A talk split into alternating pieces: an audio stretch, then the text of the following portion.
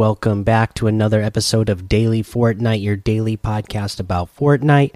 I'm your host, Mikey, aka Mike Daddy, aka Magnificent Mikey. Today we had a maintenance patch update.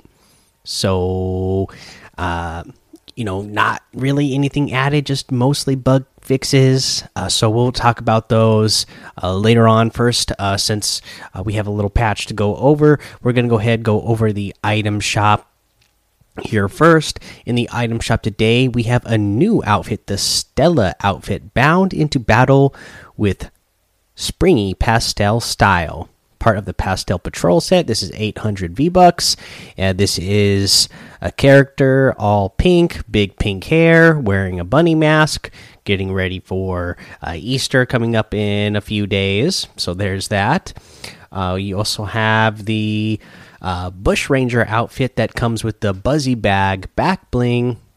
That is 1,200 V bucks, and the Honey Hitters Harvesting Tool in here as well for 800. We have the Supersonic outfit that comes with the Gauge back bling for 2,000 V bucks. Remember, this one has four selectable styles. You have the Surefire glider for 500.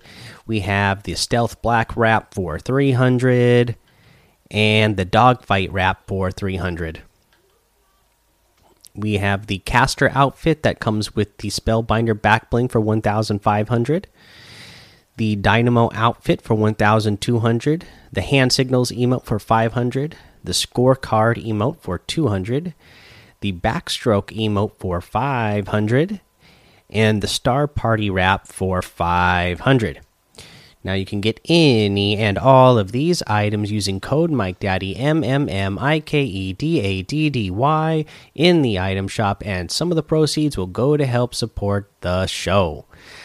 All right, uh, let's go ahead and do a uh, challenge tip here as well. Uh, for the one where you need to mark an uncommon, rare, and epic item, uh, a pretty easy way to do this is to go into the uh, playlist and do the Operation Drop Zone. And uh, you know when you, uh, you know, as you're progressing through the timeline uh, or progressing through the match, and you get higher tiered weapons, you know, just they're already going to be in your loadout. So when you land, just drop it real quick and mark it, and then pick it back up.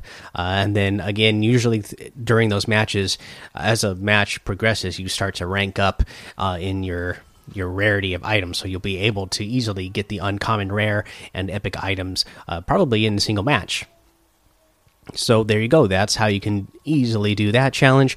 Uh, let's go ahead and take our break here, and we'll come back and we'll uh, just go kind of go over what this maintenance patch was. Hey, it's Kaley Cuoco for Priceline. Ready to go to your happy place for a happy price? Well, why didn't you say so? Just download the Priceline app right now and save up to 60% on hotels.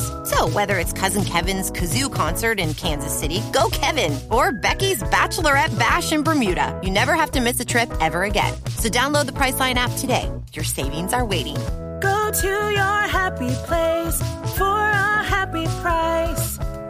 Go to your happy price, Priceline.